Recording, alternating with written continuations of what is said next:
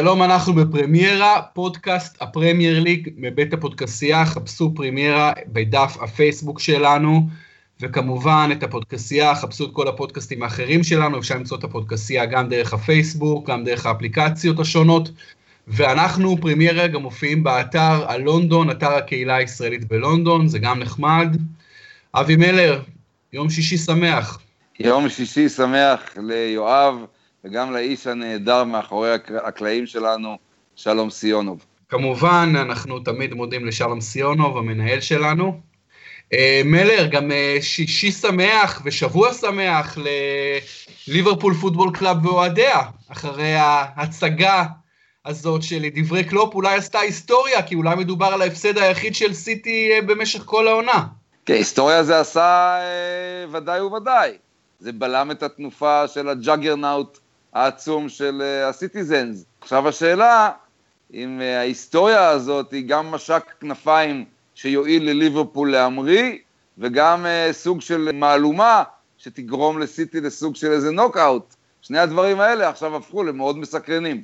תראה, קלופ גם אמר שהיה חשוב לנצח, להראות לעצמנו שאנחנו מסוגלים גם לעשות את זה בלי קוטיניו.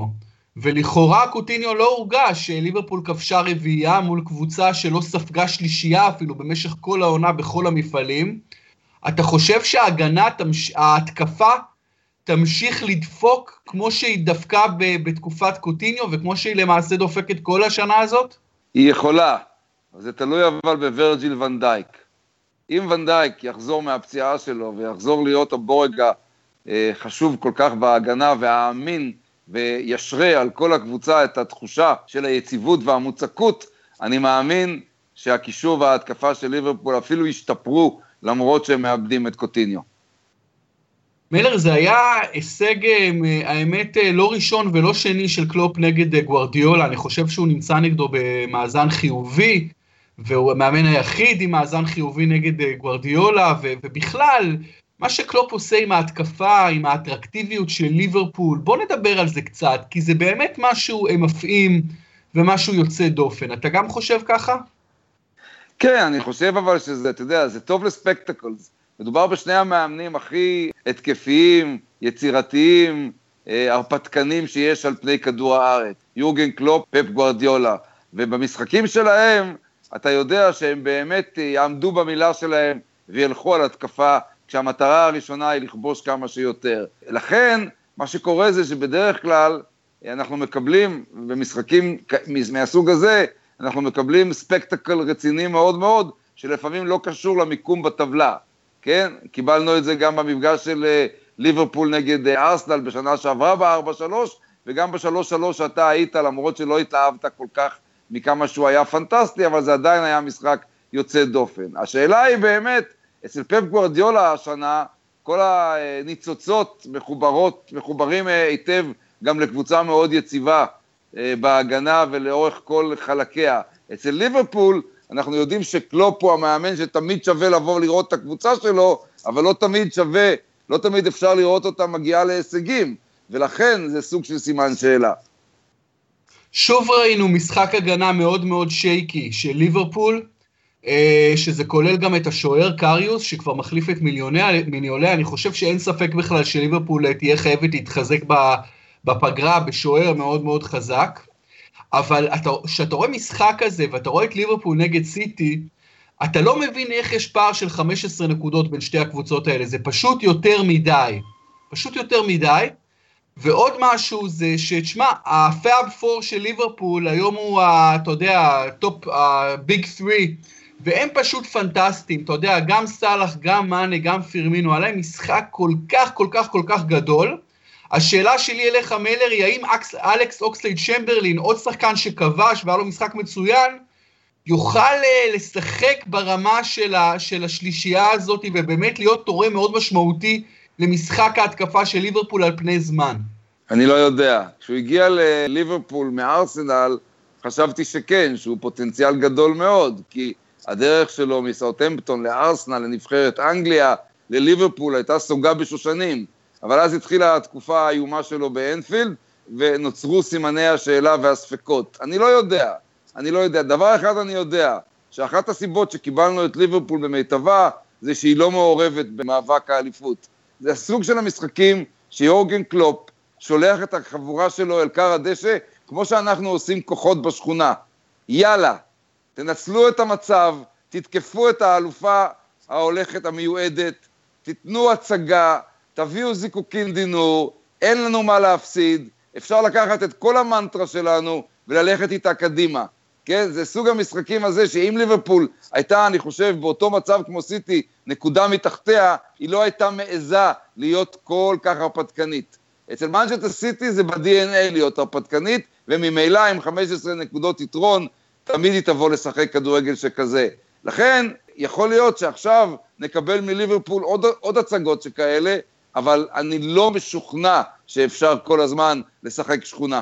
נכון, גם עוד משהו שפחות מדברים עליו, כיוון שבסוף ליברפול סיימה עם שלוש נקודות, והניצחון הראשון וההיסטורי על סיטי העונה, אבל תשמע, בסוף מה שהיה שם, גם עם ספיגת שני השערים בדקות האחרונות, וגם מנצ'סטר סיטי ממש כמעט השוותה, הייתה כל כך קרובה, אם המשחק נמשך עוד כמה דקות, אולי אפילו מנצחת אותו. נכון. אז uh, אתה יודע, ליברפול שוב uh, גם הוריתה לנו עד כמה היא uh, פגיעה ושבירה. אבל זה היה מסוג המשחקים ששום דבר בו לא עולה בקנה אחד עם ההנחות המוקדמות, כן? לא ההגנה של סיטי, לא ההתקפה של אה, ליברפול בהתחלה, לא ההגנה של ליברפול עד שהיא התחילה לקרוס. כלומר, כל הדברים האלה השתנו תוך כדי משחק. זה אחד מאותם משחקים של 90 דקות מאוד מאוד מבולגנות מבחינה טקטית ומבחינה סטטיסטית, כן? ששום דבר בהם לא יכול להיות צפוי, ושום דבר בהם אתה לא יכול לנתח על פי הניסיונות אה, המדעיים המדויקים של מה שהכרנו מהשחקנים קודם לכן. לכן, אה, בכדורגל יש את 90 הדקות האלה שמביאות לנו אה, ברכה וכיף, במקרה הזה הביאו גם את התוצאה הנכונה. עוד משהו, אתה יודע, מדברים הרבה על אה, מדע, מדע בכדורגל וניתוחים מוקדמים והערכות מוקדמות, אבל כשיש לך שתי קבוצות שהן די קרובות ברמה שלהן, קבוצות סופר מוכשרות כמו ליברפול ומנצ'סטר סיטי, אז מעבר ל- לומר לזה שאולי סיטי פייבוריטית קטנה אפריורי אי אפשר להגיד הרבה, כל תוצאה גם מתקבלת בהבנה, באמת, כל תוצאה מתקבלת. היה 5-0 באיתיחד, אחרי שליברפול פתחה את המשחק מעולה ולא כבשה והורחק מאנה, ופתאום היה עכשיו 4-1 ליברפול, גם יכל להסתיים 4-1, 5-1. באמת כל תוצאה יכולה אה, לבוא על הפרק ב, כשהרמה אה, בסך הכל לא כל כך רחוקה אחת מהשנייה. לגבי אוקסלי צ'מברלן, מלר, אני רק אגיד שדרכו לא ממש הייתה סוגה בשושנים עד ליברפול, כי אני חושב שהשחקן הזה בארסנל בשנים האחרונות אכזב, ואולי גם זה באשמת ה manager שלו, ארסן ונגר, ולשחקן הזה יש כישרון, לא סתם ליברפול גם רכשה אותו בהרבה מיליון פאונד, הוא שחקן שהראה הרבה מאוד כישרון כשהוא עלה לבוגרים בארסנל, וליברפול תהיה חייבת אותו, אם הכישרון הזה ממוצה, אם היא באמת תרצה אה, להיות בצמרת בשנים הקרובות, הוא שחקן חשוב שם. אה, מלר, בוא נעבור ל, ל, ל, ל, ל, לקרב המטורף על ה top 4, אה, כאשר יונייטד, ליברפול, צ'לסי וטוטנאם מפרידות ביניהן אה, רק 6 נקודות, בין ארבע קבוצות האלה. ובוא נעבור ליונייטד, הקבוצה במקום השני, שעושה החלטה מאוד דרמטית, מאוד מאוד יקרה, מאוד בלתי צפויה, להביא את אלכסיס סנצ'ז. מה אתה חושב על ההחלטה הזו? א', האם אתה רואה את זה בעובדה מוגמרת, שסנצ'ז באולד טראפורד? אני חושב שמרבית הסיכויים, לפי כל הפרסומים, זה, הדברים שם די סגורים. אם סנצ'ז יהיה באולד טראפורד, זה, באולד טראפורד, זה אין ספק שמדובר אה, בחיזוק פנטסטי למנצ'סטר יונייטד, כן? אני חושב שאלכסיס סנצ'ז, מעבר ליכולות שלו, הניסיון העצום שלו בפרמייר ליג אה, והוורסטיליות שלו, הרב גוניות שלו, גם אה, במשחק ההולכה, גם במשחק, בכיבושים, יכולים לעשות את כל ההבדל. בין מנצ'סטר uh, יונייטד למה שהיא לא הצליחה להשיג, למה שהיא יכולה להיות בהמשך. אגב, אגב, שאלה מעניינת, האם סנצ'ז יוכל לשחק בליגת האלופות? כי הוא שיחק בליגה האירופית. שאלה שצריך לבדוק אותה, אני חושב שיש איזשהו סעיף שיכול אפילו לאפשר לו לשחק במדי, במדי השדים האדומים בצ'מפיונס ליג, בגלל שהוא לא היה באותו מפעל. זה שווה בדיקה, אתה זוכר בעל פה? מלר, לפי מה שאני קורא בידיעות באנגליה, אז כבר דיברו על סנצ'ז כמועמד לחזק לליגת האלופות את, אה, את uh, סיטי ואולי את צ'לסי, אז אני חושב שגם במובן של יונייטד כן, הוא יוכל, בגלל שהוא שיחק כן, ביורופה ליג. הסעיף כן. הזה קיים, אכן, כן. אבל בוא נסתכל רגע על פרטי החוזה כפי שהם מפורסמים. מדובר ב total השקעה של 180 מיליון אה, לירות סטרלינג, כאשר העברה 30 מיליון, דמי חתימה 20 מיליון, שכר ל, ל, אה, לסוכן בערך 10 מיליון, שכר של סנצ'ז 500 אלף פאונד לשבוע, כאשר מדובר על, על כל פני החוזה, 20, סליחה, פר שנה, 27 מיליון פאונד לפני tax, 14 מיליון אחרי tax, אחרי מס. מדובר פה על השקעה אולי חסרת תקדים באנגליה, לשחקן שמתקרב לגיל 30, שחקן שלא זכה באף אליפות, יונייטד עם שחקנים התקפיים אה, רבים אה, טובים, אם מדובר על לוקאקו, רשפורד, מרסיאל, לינגארד, ועדיין היא מחליטה לעשות את המהלך הזה. מה אתה חושב המחשבה מאחורי ההחלטה? המחשבה הראשונה שלי זה איך יואב בורוביץ' כזה נאיבי. תגיד, כמה עלתה ההעברה שלו ליונייטד אם היא תעלה? עזוב רגע את כל האלמנטים שהזכרת. כמה הוציאה יונייטד מהכיס לפני שהיא משלמת לו משכורת ראשונה? אמ, בערך, אה, לא יודע, 50-60 מיליון פאונד.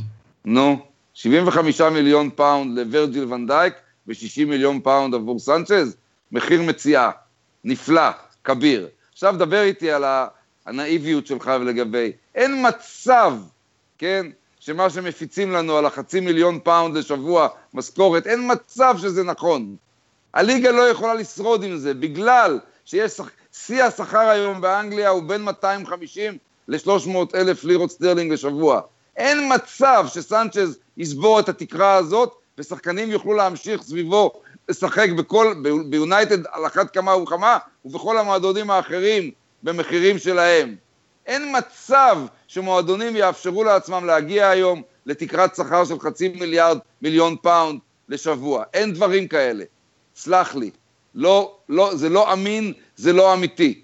אני אומר, הסכום הוא חצי מזה, והסכום הוא מאוד נפלא, והוא טוב, וההוצאה של מאן יונייטד בכל מקרה, של 50-60 מיליון פאונד על סנצ'ז, היא הוצאה פנטסטית. במיוחד אם הם לא צריכים לתת לארסנל שום תמורה נוספת. דיברו על איזה עסקה סיבובית, אולי מחטיריאן, אולי משהו. אם זה ככה 50-60 מיליון, וואלה, בעידן שלנו, דיל. אוקיי, אבל זה בטח לא נגמר ב-50-60 מיליון, אבל גם במקרים האחרים זה לא נגמר בדמי העברה כמובן. אה, נכון. ויש פרסומים, יש פרסומים במנצ'סטר שהמשכורת של סנצ'ס תהיה פי עשרה מהמשכורת של מרקוס רשפורט למשל, אה, פי שתיים שלושה מהמשכורת של לוקאקו, כלומר כן מדובר על משכורת עתק, ואתה שואל את עצמך, קודם כל אין ספק שזה יעורר תרעומת בחדר הלבשה, זה, זה, אבל אתה יודע, אולי, אולי הכדורגלנים האנגלים רגילים לדברים האלה, מצד שני אתה כן שומע על תרעומות מדי פעם, עם כל מיני שחקנים כאלה ואחרים שחורגים בצורה דרמטית ממבנה השכר.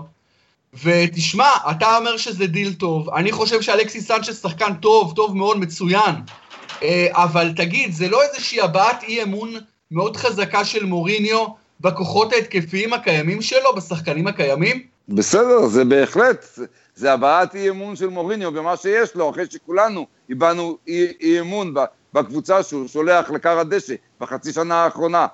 הוא לא עיוור, הוא, הוא, הוא, הוא, עם כל התירוצים שלו וכל המלחמות אה, הפסיכולוגיות שלו, כן? הוא יודע שהוא במצוקה, הוא יודע שמנצ'סטר יונייטד שלו עכשיו נלחמת על מקום בליגת האלופות ולא על האליפות. גם זה יכול לרדת לטמיון.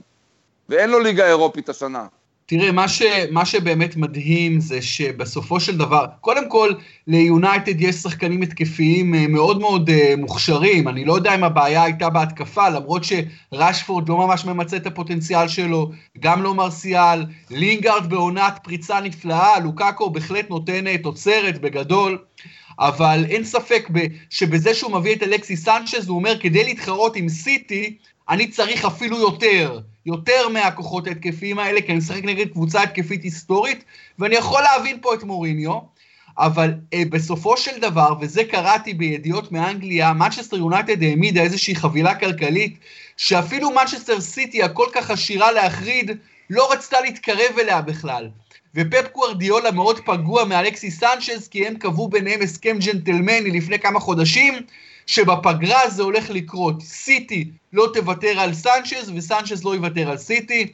ופתאום סנצ'ז עכשיו הולך לכיוון של יונייטד, ומה שמדהים בעיניי מלר זה איך קבוצת הבעלות הזו של משפחת uh, גלאזר, גלייזר, ביחד עם המנהל שלהם אד וודוורד, במשך שנים שמים סכומי כסף כל כך כל כך כבירים בתוך הקבוצה, ואני רק יכול לדמיין כמה כסף הם יכלו להרוויח מהקבוצה, אפילו יותר, בלי כל ההשקעות המטורפות האלה. מה אתה חושב המחשבה של הגלייזרים בכל ההשקעות הפסיכיות בקבוצה בארבע, חמש שנים האחרונות, הכי הרבה מכל קבוצת כדורגל בעולם? שבסופו של דבר זה יתחבר להם, והם צודקים. זה לא הכי הרבה מכל קבוצה בעולם, זה לא יותר מפריס סן ג'רמן, מנצ'סטר סיטי וצ'לסי, אם אתה לוקח את העשור האחרון. אולי סן... לא... בארבע, חמש שנים האחרונות, אולי רק סן ג'רמן השקיע יותר מהם, אולי. סיטי גם השקיע יותר מהם. לא. לא חושב. אני חושב, שזה... אבל, אבל, אבל תקשיב, ברור שהם חושבים שהפאזל שלהם לא מספיק. הם כל הזמן חשבו שלואיס ונחל יבנה את הפאזל כמו שצריך, אחר כך יבנה את הפאזל אה, כמו שצריך מוריניו, מוריניו, מוריניו וגם כשזה לא עובד, הם אומרים, טוב, עכשיו אנחנו צריכים לשלוף עוד אס ועוד אס, הרי בסופו של דבר, בסיטי זה יתחבר להם עם כמה כישרונות גדולים וכמה כישרונות מוכחים. אגב, אגב, ברור לך לחלוטין שאם סיטי הייתה רוצה, סנצ'ז היה שלה. זה הרי עניין של כסף. עוד עשרה מיליון לפה, עוד עשרים מיליון לפה, אין לה שום בעיה לשלוף את זה מהכיס. הבעיה היא שהם לא רוצים אותו כל כך עד הסוף, הם רצו לשים בעיקר יתד בגלגלים של מנצ'סטר יונייטד ובמשא ומתן, וסנצ'ז עצמו הבין שמנצ'סטר סיטי רוצה אותו קודם כל כדי למנוע אותו ממאן יונייטד. הוא הבין שאם הוא יגיע לסיטי, דקות המשחק שלו וההשפעה שלו גם על הסגל הכל כך עמוק הזה יהיו פחותות. ככה שבסופו של דבר, פפ לדעתי רק יעשה פרצוף של נעלב מאלכסי סנצ'ז. אם, אם הם היו ממש רוצים אותו, הוא היה אצלם. אבל הקטע המעניין ביותר הוא השחקן הצ'יליאני בעצמו. עכשיו, עכשיו הוא הפך למשיח. והוא צריך לראות אם המשיח הזה מצטרף לחמור או לסוס מרוץ. אני קודם כל חושב שבכל התהליך הזה אה, עושים קצת ניפוח ליכולות של אלכסיס סנצ'ז, אתה יודע, משלמים עליו... כמו שעושים ניפוח לשכר. כן, כן, משלמים, משלמים עליו כמו על מגה סטאר בינלאומי, ואני לא בטוח, לא חושב שהוא כזה, הוא שחקן טוב מאוד. לא, תקשיב, אני חושב שמנפחים אותו. גם בארסנל הוא הרוויח את ה-200 אלף לשבוע, זה לא שהוא uh, קופץ מ-0 ל-10. אבל אה, נכון, אבל, אבל עכשיו זה ממש אה, מטורף עם כל הסכומים האלה. אה, ותשמע, אני, אני נדהם מהלארג'יות הזו של הגלייזרים. אני נדהם מזה, נדהם. כי גם כשאתה מסתכל ברטרוספקט על כל ההשקעות בארבע, חמש שנים האחרונות, 70-80 אחוז מהם הייתה זריקת כסף לפח. כלומר, הם יכלו להשקיע כל כך הרבה פחות, להיות כל כך יותר עשירים, עם כל כך יותר הרבה כסף בכיס, ועדיין הקבוצה הייתה מתפקדת אותו דבר. אבל הבעלים האלה מוכיחים לא פעם אחר פעם אחר פעם שהכסף הוא לא אישו מבחינתם, ושנכון שיונייטד היא uh, קופה רושמת, ונכון שהיא uh, מכונת מזומנים. למרות זאת, הבעלים האלה, פשוט זה הבעלים הכי לארג'ים כמעט בעולם הכדורגל. זה משהו ממש, ותראה, זה בעלים קצת שונים, מאוד צריך להפריד ביניהם לבין אבו דאבי, לבין קטאר. אבו דאבי וקטאר מלכתחילה באים לכל הקבוצת כדורגל והפרויקט הזה כפרויקט של השקעה. אבל הגלייזרים לא באים לזה כפרויקט של השקעה, הם באים לזה כפרויקט של רווח. וכאנשים שפועלים לפי אינטרס של רווח, הם, ה, הם הבעלים הכי לארג'ים שאני יכול אי, לדמיין בעולם הכדורגל. לא, לא היה כזה דבר ואני לא יודע אם יהיה. וזה פשוט מוזר okay. אוקיי. בעיניי, פשוט מוזר. טוב, בואו נהיה פרקטיים לרגע. כן, אני מתחיל, אני מתחיל לגלות חשש אה, כבד לכך שכל העשר דקות האחרונות שלנו מבוזבזות על משהו, ש... על, אה, על ביצה שלא תיוולד, אתה מבין? אה, על משהו אוקיי. שמחר נג... על זה שמחר בבוקר נגלה שאין בכלל מעבר של סנצ'ז לאולט טראפורד. אז בואו נדבר על המשחק של יונייטד נגד ברנלי, כי סנצ'ס בכל מקרה לא ישחק במשחק הזה. אפשר לדבר על המשחקים, אבל לפני שמדברים על המשחקים, בואו נדבר על עסקה נוספת, עסקה שככל הנראה לא תצא לפועל, ועסקה שמעניינת לא מעט את האנגלים, ובואו נדבר על אמנדה סטייבלי, פיננסיירית שאמורה הייתה די, די אה, לא מוכרת לתקשורת, שגרה בדובאי בכלל ובלונדון, והייתה אמורה לרכוש את ניוקאסל, לפי הפרסומים הציעה 250 מיליון פאונד, הבעלים מייק אשלי, עוד בעלים מאוד מאוד בעייתי, רצה 350 מיליון פאונד, אה, זה לא קורה, נכון לעכשיו. אה, ניוקאסל לאן, מלר? בכל זאת מועדון עם הרבה מאוד אוהדים, אה, מועדון גדול, ומועדון שלא הולך לשום מקום כבר הרבה מאוד זמן. נכון, אין לי יותר מדי בקיאות בכל מה שקורה מאחורי הקלעים הפיננסיים של סנט ג'יימס פארק, אבל כמו שאתה אומר, בעשור האחרון דמותו של מייק אשלי הבעלים של ניוקאסל, אה, בלטה בתקשורת ובתדמית שלו כמישהו, אה, יואב כץ לעומתו הוא מלאך, כן? שהקונטרוברסיה אופפת אותו מכל כיוון, שהמהלכים שלו הם מהלכים בין הזויים למופרעים. היו הרבה מאוד נבואות זעם שניבאו את קריסתה של ניוקאסל יונייטד הרבה לפני 2018. זה לא קרה בינתיים. עכשיו זה לא קורה כי הוא רוצה את המחיר שהוא רוצה. אה, עושה רושם שמצבה של ניוקאסל בכי רע, מהבחינה הזאת שהבעל בית שלה uh, יכול להיות שמסתכל, עומד על, על סף תהום ומסתכל אל, אל התהום פנימה ומוכן uh, לכך שמישהו ידחוף אותו. אבל, אבל, אני לא מספיק יודע על מה באמת uh, יקרה כרגע כשהמכירה הזאת נדחתה, אם באמת באמת יש פה עניין של תמות נפשי עם פלישתין של אשלי, והוא יגרום להתפוררות המועדון, אני לא יודע. אם דיברנו לפני זה על הגלייזרים, וכמה שהם פותחים את הכיס, וכמה שהם לארג'ים, אני חושב שמייק אשלי האנגלי הוא ההפך המוחלט. במשך כל העשור שלו בניוקאסל, הקבוצה מאופיינת בהשקעות מאוד מאוד קטנות, שזה נמשך גם היום, היא קבוצה שמשקיעה מעט מאוד בשחקני רכש, היא קבוצה שעל פני העשור האחרון כמעט ולא הצליחה, היא אפילו ירדה ליגה, היא הצליחה לחזור אמנם, אבל היא מקום 15 מבין 20, כדורגל לא משכנע, אה, כל הזמן אנחנו קוראים ידיעות על ריבים בין הבעלים אשלי לבין המנג'ר רפה בניטז, ואני חושב שהוא גם לא מדבר לתקשורת אשלי, הוא כמעט לא מתראיין אף פעם, ואני חושב שאוהדים של ניו קאסל פשוט שונאים אותו, ובצדק מבחינתם. אוקיי, אז uh, קדימה, שיעשו קטמון. שיאספו כן, כסף. ואפי... זהו, זה, לא, זה כנראה לא יקרה באנגליה, בניוקאסל, כן, לא, אבל גם... אפילו עכשיו, תראה, מה שמונע את העברת הקבוצה, מבחינת אשלי זה כסף. כלומר, הוא שם בשביל הכסף, מההתחלה ועד הסוף. נכון, אדם שלא... מאוד מאוד...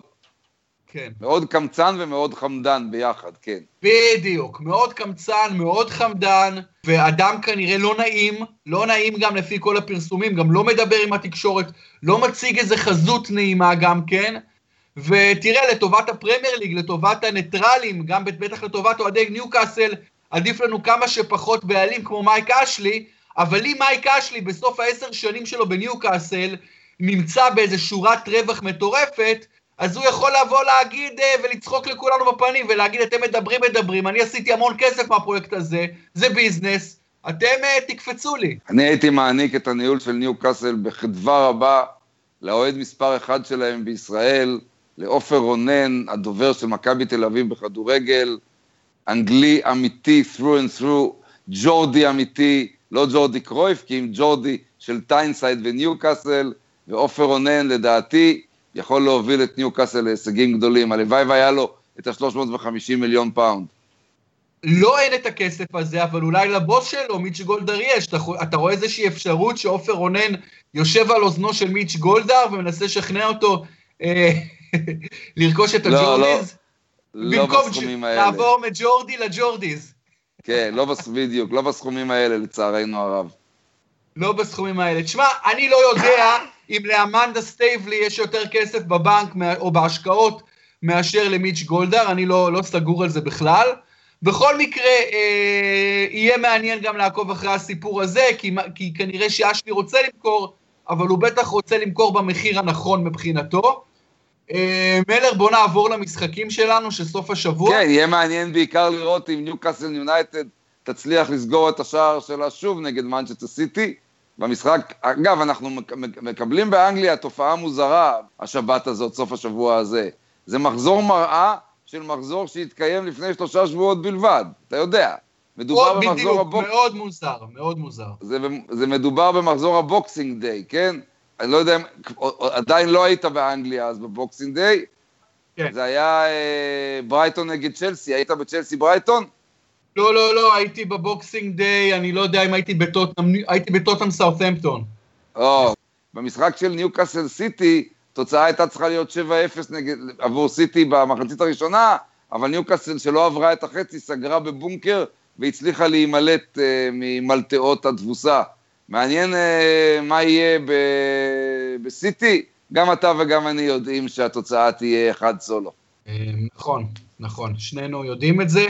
בואו נעבור למשחקים הגדולים שיש לנו, אבל קודם כל שבוע שעבר, מחזור אחרון, קריסטל פלאס נגד ברנלי, שנינו אמרנו אחת, ופלאס אכן ניצחה והמשיכה במגמת ההתאוששות שלה, של uh, רוי אודסון. אדרספילד נגד וסטאם, שנינו אמרנו אדרספילד ושנינו טעינו בגדול, וסטאם ניצחה אותה, קראה אותה בחוץ, וטעינו. ניוקאסל נגד סוונזי, שנינו אמרנו ניוקאסל ונגמר תיקו. ווסט ברומיץ' נגד ברייטון, אתה אמרת ברומיץ', אני אמרתי תיקו, אתה צדקת. ווטפורד נגד סאות'מפטון, שנינו אמרנו תיקו, ואכן צדקנו, נגמר תיקו. צ'לסי נגד לסטר, אתה אמרת צ'לסי, אני אמרתי תיקו, אני צדקתי, נגמר תיקו 0-0. טוטנאם נגד אברטון, שנינו אמרנו טוטנאם, וטוטנאם אכן הביסה את אברטון בוומבלי. בורנמוס נגד ארסנל, שנינו אמרנו ניצחון של ארסנל בחוץ וטעינו. העונה הנוראית של ונגר וארסנל נמשכת, בורנמוס ניצחה בבית 2-1. ליברפול נגד מנצ'סטר סיטי, אני הלכתי פה על ליברפול, אתה הלכת על תיקו, אני צדקתי. ויונייטד נגד סטוק סיטי, שנינו הלכנו על יונייטד, שנינו צדקנו. בסך הכל ניצחתי באותו שבוע 6-5, אבל התוצאה בינינו עדיין 93-74 לטובתך. מתוך 180 משחקים אתה עדיין מחזיק במאמן, במאזן של מעל 50 אחוז, שזה מאוד יפה. 93-74. בואו נעבור למשחקי הסוף שבוע הקרוב. והוויקנד מתחיל עם יופי של מפגש בעמק סטדיום בשתיים וחצי, שעון ישראל יום שבת, ברייטון נגד צ'לסי. כן, צ'לסי בלי אה, פדרו ובלי מורטה המורחקים מהגביע, אה, בלי פברגס הפצוע, עם עדן עזר כחלוץ אה, מרכזי, כל התוכניות הטקטיות של אנטוניו קונטה בעונה הזאת משתנות לחלוטין והופכות שונות ממשחק למשחק, יש לו בעיה גדולה עם הצוות, וצ'לסי לא כובשת. צ'לסי גם בגביע נגד נוריץ' ניצחה בפנדלים אחרי אחת אחת ב-120 דקות, פתאום לצ'לסי יש בעיות עצומות בהתקפה. השאלה אם בברייטון, שהיא גם כן קבוצה שלא כובשת בכלל, כן, ש, ש, ש, שבשבעה מתוך עשרה המשחקים האחרונים שלה לא הצליחה להבקיע, האם היא תצליח אה, לעשות משהו מול צ'לסי? מעשית זה הזמן הטוב ביותר לברייטון לעשות את ההבדל, אבל אני עדיין חושב שהיתרון האיכותי של צ'לסי ידבר. שתיים. אוקיי, okay, דיברת על ההיעדרויות של צ'לסי. Uh, מי שכן כנראה ישחק בצ'לסי זה שחקן שאמור לשחק הרבה הרבה יותר בהרכב, אני חושב שזה וויליאן. Uh, ברייטון, לפי דעתי, מי שישחק בהרכב בגלל שהיריבה היא צ'לסי הוא בירם קיאל, כי בירם קיאל אמר לי שנגד קבוצות חזקות, המאמן שלו, קריס יוטון, מעדיף לשחק עם שלושה קשרים מרכזיים עם נטייה הגנתית, מדובר בדייווי פרופר, דייל סטיבנס ובירם כיאל, אז יהיה מעניין מאוד לראות אם כיאל ישחק, אם חמד ישחק. בכל מקרה, אני הולך פה על הפתעה, אני הולך פה על ניצחון ביתי של ברייטון. היכולת של ברייטון בבית היא מאוד שונה מהיכולת בחוץ. צ'לסי קצת במשברון, ואני הולך פה על ברייטון. אז אתה הולך על צ'לסי, אני על ברייטון. בואו נעבור למשחק השני, וסטאם, המתאוששת מאוד תחת דיוויד מויס, נגד בורנמוס של אדי האו.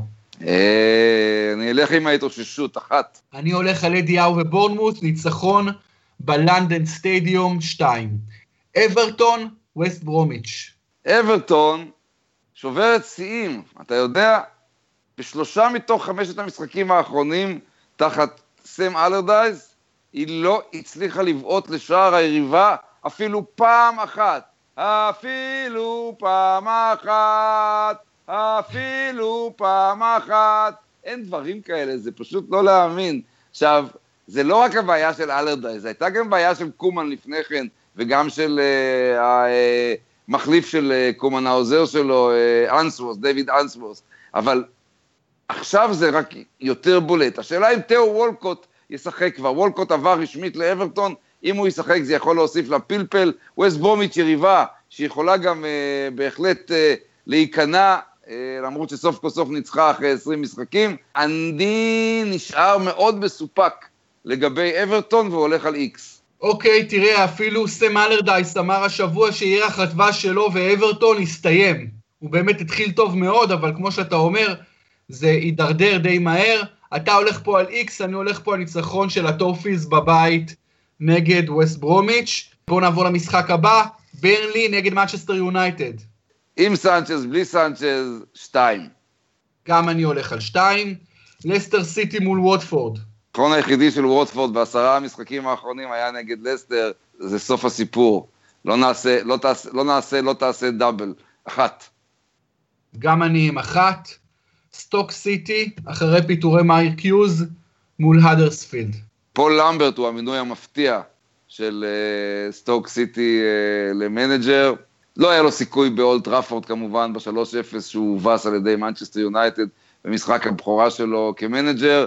הפעם הוא צריך להביא שלוש נקודות, אבל הוא יביא רק אחת, איקס. גם אני הולך שם על איקס.